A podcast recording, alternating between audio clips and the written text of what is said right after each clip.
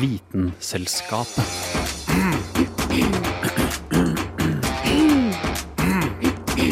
Vitenselskapet.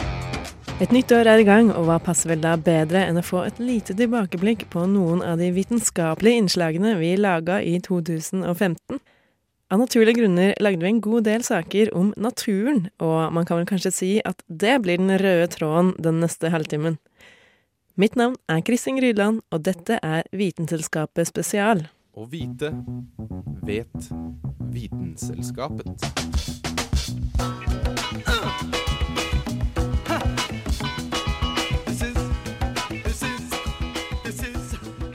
Vi kan jo starte med noe som er helt grunnleggende, nemlig grunnen vi går på. Vår reporter Dag Dramer lagde nemlig tidligere en reportasje om den unike geologien i Oslo, og om kreftene som forma den. Så det var en helt annen verden, en helt annet klima. Norge lå et helt annet sted, det lå langt sør for ekvator. En helt annen planet enn det vi er kjent med i dag. Geologi er spennende. Vanvittige og voldsomme krefter har formet landskapet rundt oss i løpet av millioner og milliarder av år. Oslos geologi er intet unntak. Faktisk er Oslos geologi spesielt rik, unik og barsk. En som kan en del om Oslos geologi, er paleontolog Øyvind Hammer ved Universitetet i Oslo, som nå skal fortelle oss om denne spesielle geologien.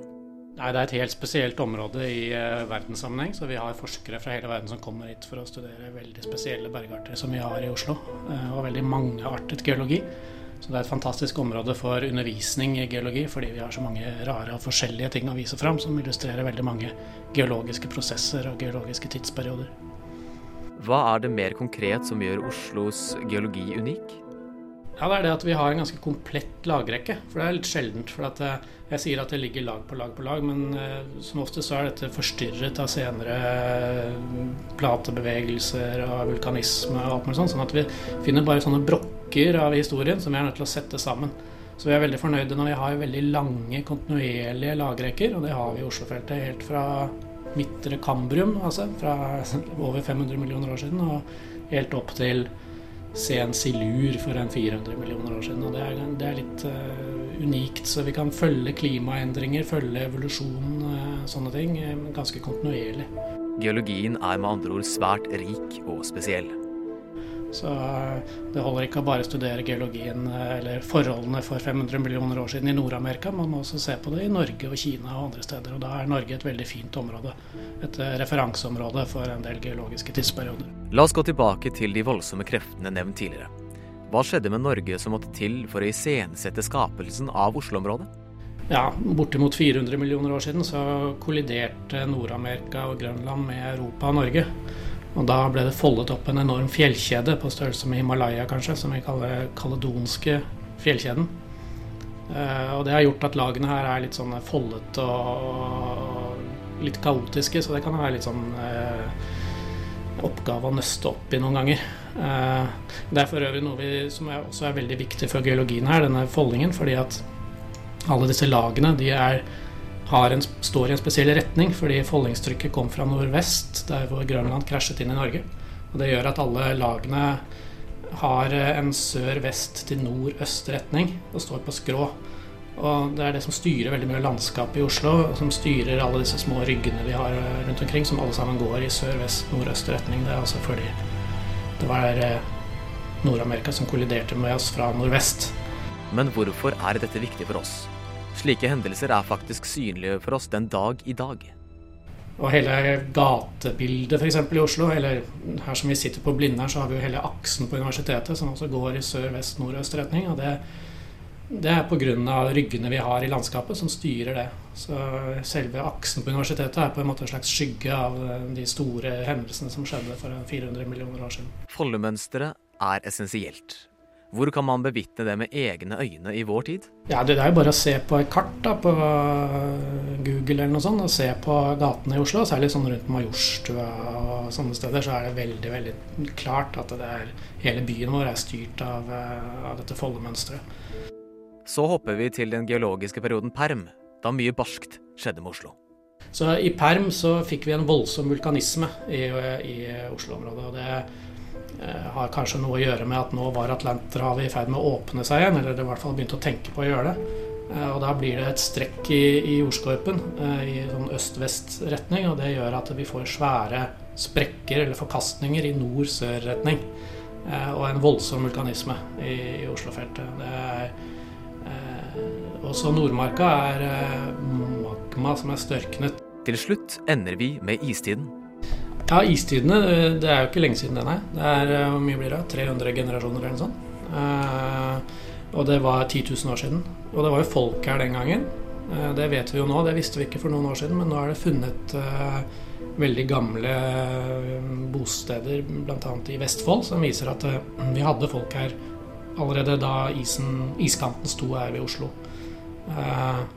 Og for en ja, det var vel for en 11 000 år siden eller noe sånt, så sto iskanten langs en linje fra Grefsenkollen og til Sognsvann omtrent. Og der har vi fortsatt en stor morene som det er morsomt å gå og se på, som vi kaller Grefsenmorenen.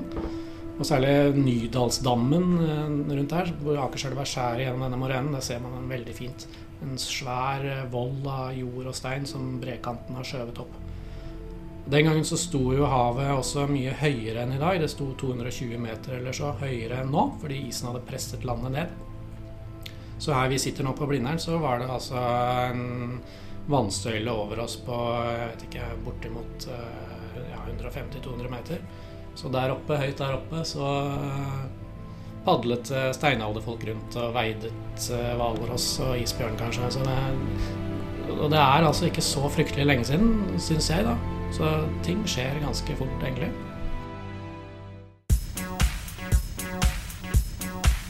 Hæla i taket med Vitenselskapet.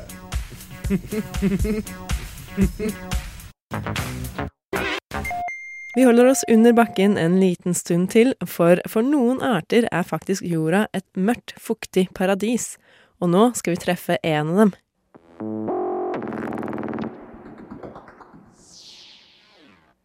Myk, fuktig og langstrakt. Ikke slimete, men kanskje litt sticky å ta på ålete bevegelser og en sårbar, naken kropp. Ja, det er meitemarken jeg snakker om. Meitemark er en familie i klassen fåbørstemark som hører til rekken leddormer. Det er 27 kjente arter meitemark i Norge, og de ulike artene kan bli alt fra 2 til 30 cm lange. Felles for dem alle er imidlertid at kroppen er delt i mange korte ledd.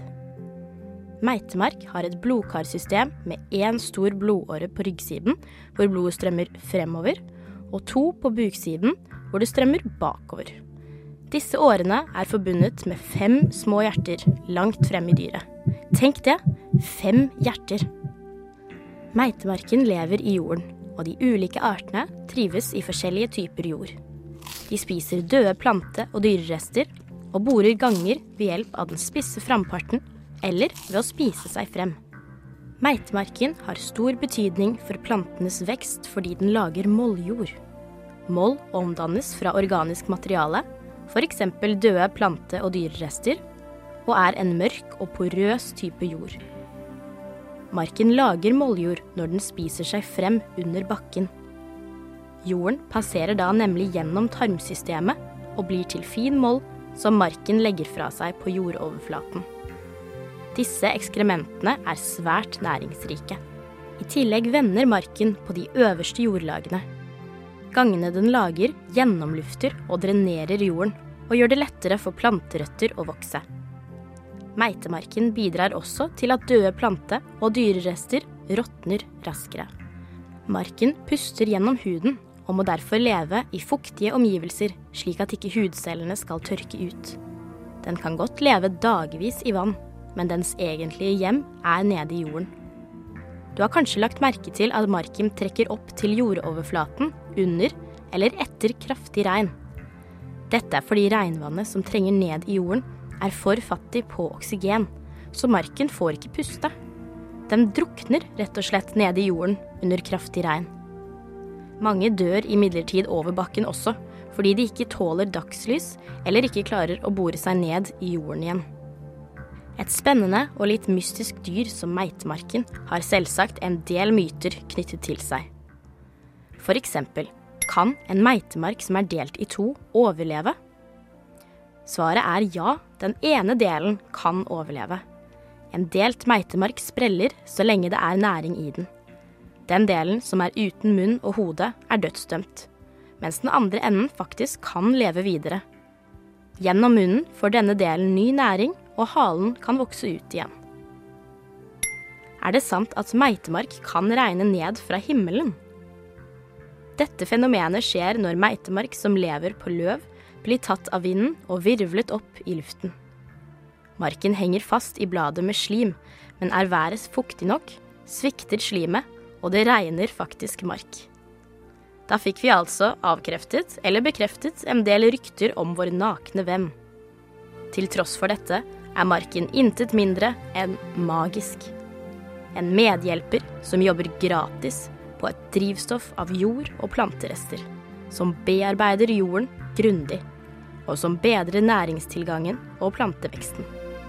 Så neste gang du treffer på en liten meitemark, stopp opp et øyeblikk og sett pris på alt den gjør for jorden vår. Dette innslaget ble laget av Agnes Alstad Mongstad. Visst, visst, visst, visst, visste du at? Visste du at? Visste du at elefanten er det dyret som har lengst drektighetstid? Elefantens svangerskap varer i nesten to år, og det gjør at fosterets hjerne får mer tid til å utvikle seg, og kroppen får seg større. På andreplass ligger hvitt neshorn med 16 måneders drektighetstid, og på tredjeplass finner vi sjiraffen, som er drektig i 15 måneder. Visst, visst, visst, visst, visst, at?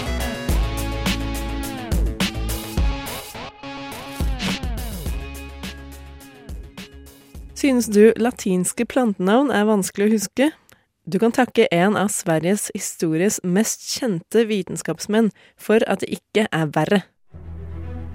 I'm on a fantastic journey to look for the origins of life. E equals mc squared. I suspect that there are more things in heaven and earth than are dreamed of or can be dreamed An event called the Big Bang.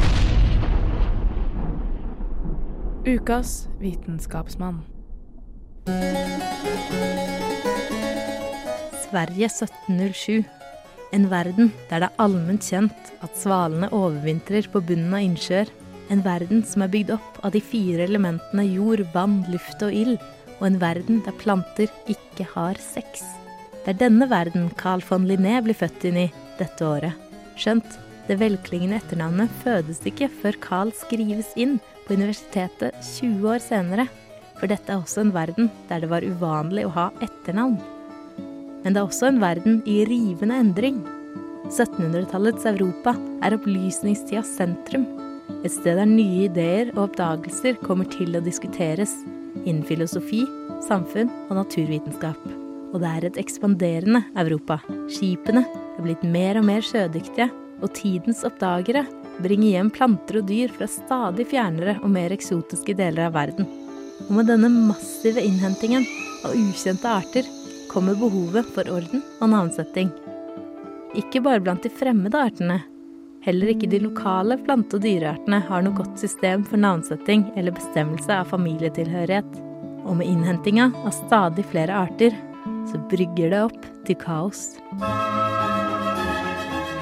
Enter Carl von Linné. Biografene skriver at han helt fra barnsben av var opptatt av natur, samling og navnsetting, til tross for at han ikke var noe opplagt skolelys. Om det er sant eller ikke, er det i hvert fall en poetisk vinkling av barndommen til prestesønnen som skulle bli tidenes mest kjente botaniker. Det vi vet, er i hvert fall at Carl under universitetsstudiene i medisin i Uppsala begynte å studere og underviste i botanikk, og at han 24 år gammel hadde ferdigstilt skissen til det berømte plantesystemet han skulle bygge hele sin karriere på. Til grunn for dette systemet lå en hypotese selv de nokså løsslupne opplysningsmenneskene i samtida reagerte på. Carl mente at det fantes likheter mellom menneskenes og plantenes kjønnsliv. Med andre ord, de til nå rene og uskyldige plantene var omgjort til seksuelle skapelser. Og ikke nok med det. Måten de hadde sex på, lignet de reneste orger. Det er nemlig sånn at det hos planter nesten alltid er flere mannlige pollenbærere enn kvinnelige mottakere, grifler, i en blomst. Noe Linné noe flåsete beskrev som nio menn i samme brudkammeret med en kvinne. Linné ordnet altså plantene inn etter seksuallivet, kjønnsorganene deres, i et såkalt seksualsystem. Her ble hver plante tilordnet en klasse og en orden, og fikk et navn med to ledd, der det første leddet var et gresk slektsnavn, og det andre leddet et latinsk artsnavn. Dette navnsystemet ble brukt også for dyr, der f.eks. vi mennesker er Homo sapiens. Alle dyrene får navn etter hvilken slekt og art de tilhører, og er plassert i større systemer. Hvert dyr tilhører en orden, som igjen tilhører en klasse. Så vi mennesker, Homo sapiens, tilhører slekten Homo og arten sapiens. Utover det tilhører vi orden primater, som tilhører klassen pattedyr. Dette systemet avlyste et nokså uoversiktlig system, der navnet på en art besto av et substantiv først, som benevnte slektsnavnet, etterfulgt av inntil tolv latinske adjektiver som beskrev arten slik at den kunne skilles fra andre arter. Disse navnene var vanskelig å huske og måtte stadig oppdateres når det ble oppdaget nye arter. Så å si at Linnés system innebar en betydelig forbedring, er nok å underdrive. I løpet av livet klarte Carl von Linné å publisere beskrivelser av og klassifisere alle artene som var kjent på hans tid. Dvs. Si nesten 6000 dyre- og 8000 plantearter. Og selv om han størsteparten av karrieren som professor i Stockholm ikke dro ut fra Sverige selv, mottok han levende og konserverte dyr og planter fra studentene sine, som han sendte ut på fjerne, ikke ufarlige ekspedisjoner. Fem av studentene kom aldri hjem igjen. Systemet for klassifikasjon og navnsetting av planter og dyr er naturlig nok forandret mye fra det Linné utarbeida, men arbeidet hans representerer allikevel et viktig skille i vitenskapen.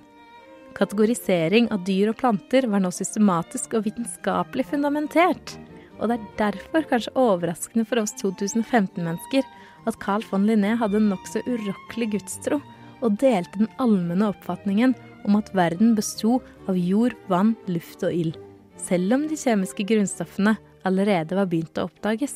Linné mente selv at det var Gud som hadde skapt arten og slektene, men mennesket, ordenene og klassene. Og det ble sagt om ham at Gud skapte, Linné ordnet. Carl von Linné døde som 70-åring i 1778 og la bak seg en over gjennomsnittet vellykka karriere som lege, zoolog og botaniker. Saken var laget av Hanne Grydland. Vitenselskapet. Vitenselskapet på Radio Nova.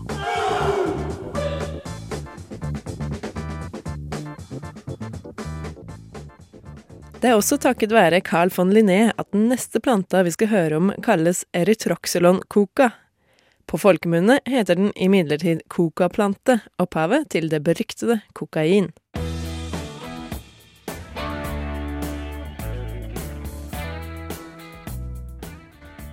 Snø, englestøv, søramerikansk marskpulver, blow. Kjent barn har mange navn. Kokain er et av populærkulturens mest kjente dop, mer eller mindre realistisk framstilt. En liten haug med hvitt kan altså gjøre såpass. Kokain vokser som ei plante rett opp fra bakken. Kokaplanta vokser kun i den nordre delen av Sør-Amerika, og har eksistert vilt her lenge. Den originale bruken av kokain for rus var tygging av bladene, som ga en atskillig mildere effekt. For å lage det dyrebare pulveret vi kjenner i dag, kreves noe arbeid. Avlingene høstes opptil seks ganger i året. Deretter må bladene tørke en liten stund. Bladene skjæres så inn i små biter som strøs med sementpulver. Deretter legges dette i bensin, for så å tilsette batterisyre. Til slutt tilsettes lut for å skille ut kokainen, og siste steg i denne prosessen er å filtrere heksebrygget gjennom en klut. Med denne metoden oppnår en et stoff som er ca. halvparten kokain. Deretter skipes det til et laboratorium for videre foredling. Nå som kokainen er ferdig, er det på tide å få den i oss. Den mest kjente måten å få den inn, er jo å sniffe den, oppi noe med pulveret. Men som med de fleste stoff, kan kokain tas ut på flere måter. Får du den flytende, kan du sette ei sprøyte rett i blodet og få en umiddelbar og sterk effekt. Kokainen kan òg varmes opp og inhaleres. Det er dette som har røyk-crack. Å få kokainen inn i munnen fungerer òg for å ruse seg. Du har vel kanskje sett rundt på film 'Gni pulveret mot tannkjøttet'. Kokainen kan diffundere gjennom de fleste stedene der det er små blodårer. Så å stikke det opp der sola aldri skinner, er òg et alternativ. Men kanskje dette ikke er så ønskelig.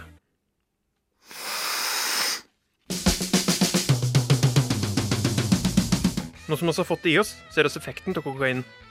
Sentralnervesystemet blir stimulert, og du føler deg oppvakt, fullt av energi, og du kan plutselig klare alt.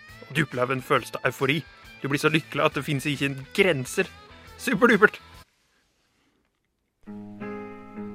Det kokain hovedsakelig gjør, er å tulle med nevrotransmitterne dine.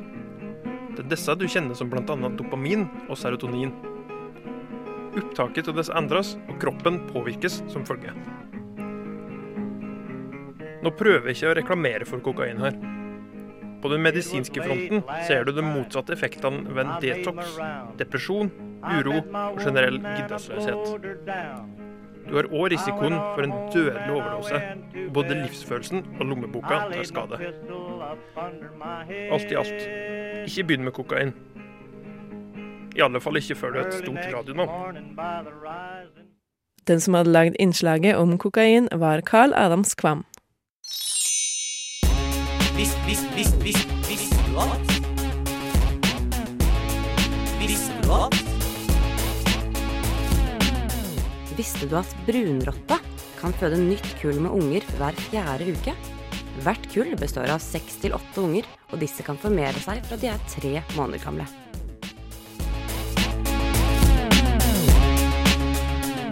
Visst, visst, visst, visst, visst, du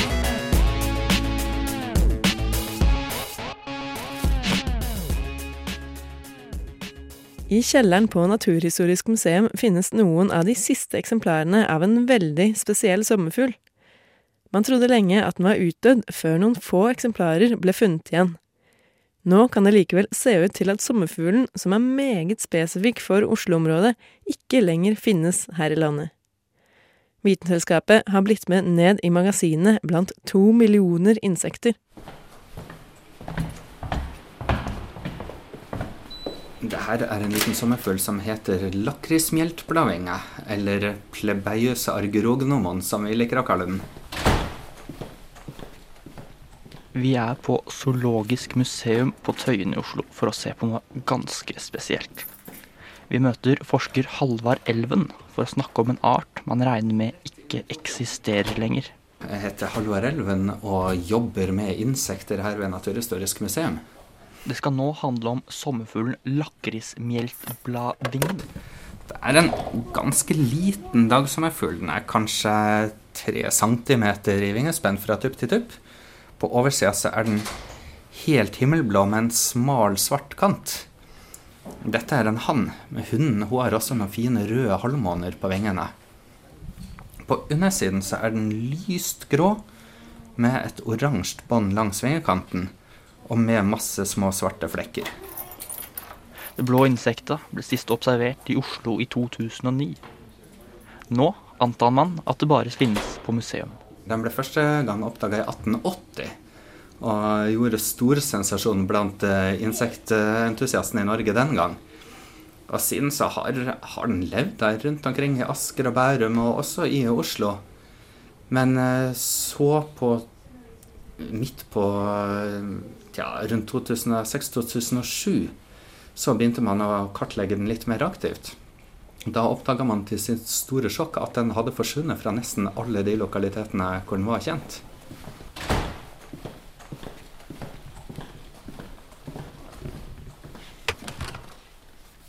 Vi går gjennom trange ganger i museets kjeller.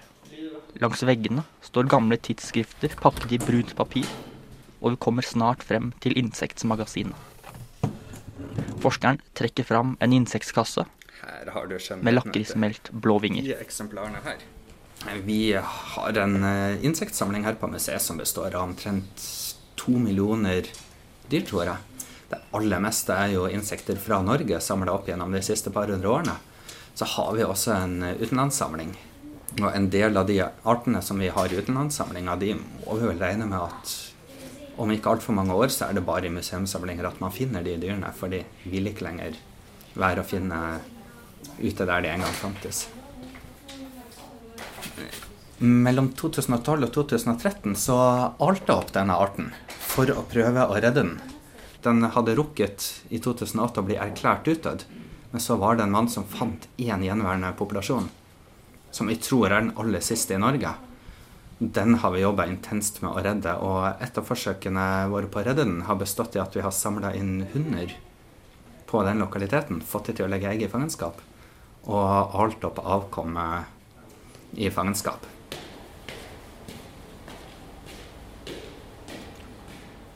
I Norge er lakrismjeltblåvingen bare funnet i områdene rundt Oslo. Der har den klart seg i tusenvis av år, takket være det milde kystklimaet. Lakrismjeltblåvingen er en varmekjær art. Den trives best i varme, blomsterrike skråninger og enger. Det er en veldig varmekjær art. Vi tror den kom inn hit i det man kaller den postglassiale varmetida, som var en periode etter istida hvor det var varmere enn det er i dag. Da var det mange varmekjære arter som kom inn til Norge. Og så ble det kaldere, og så forsvant de fleste ut. Men så har den lille krabaten her klart å klore seg fast på ekstra varme, gode steder langs kysten. Det er veldig gunstig klima inne i Oslofjorden. Varmt og godt. Det er masse arter som finnes her og ikke andre steder i landet. Der hadde den det bra for 5000 år siden, sikkert. Og har sikkert hatt det greit frem til nyere tid, men så har den jo fått konkurranse med oss mennesker akkurat i hovedstadsområdet byen brer seg utover, og de grønne områdene blir færre og færre. Det, det kom egentlig med traktoren på 50-tallet. Den førte til en revolusjon i landbruket, hvor de gamle blomsterrike slåttemarkene og småbeitene og sånne, sånne habitater, de forsvinner. Mens det jordbrukslandet som drives i dag, det drives intensivt og med traktordrift og med gjødsling. Og med lite rom til andre arter enn kål og korn som vi dyrker.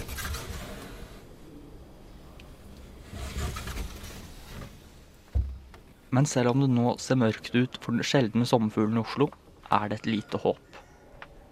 Arten finnes i Sverige, men også der er den i tilbakegang. I resten av Europa finner man lignende arter, men ikke helt den samme. Det er sannsynlig at lakrismelkblåvingen kommer til å forsvinne helt. I hele Europa. Sverige, Norge og på kontinentet. I den store globale sammenheng så har det ingenting å si om disse forsvinner. Økosystemene kommer ikke til å styrte om en veldig sjelden art endelig tipper helt. Men eh, det dreier seg ikke bare om én eller to arter. Disse er bare eksempler på en eh, masseutryddelse som rammer mange titusener, etter hvert antakeligvis hundretusener arter på jorda. Og det er skalaen på den masseutryddelsen som globalt sett, den er helt sinnssyk. Så jeg mener i hvert fall vi har et moralsk ansvar for å prøve å bevare artene, når det er oss mennesker og våre aktiviteter som er årsaken til at de forsvinner. Enda et eksempel på at naturen henger sammen på innfløkte måter, og at menneskelig aktivitet påvirker naturen mer enn hva vi tenker over til vanlig. Reporter her var Bjørnar Konglevold Bekkevar. Vitenselskapet. Det var det vi hadde her i Vitenskapet i dag, men vi er tilbake neste uke med helt fersk vitenskapelig radio. Det er også mulig å laste ned podkasten vår, og da kan jo dere observante lyttere legge merke til at vi har fått en flunkende ny podkast som ligger ute, og som dere mer enn gjerne kan begynne å abonnere på. Mitt navn er Kristin Grydland, og du har hørt på Vitenselskapet.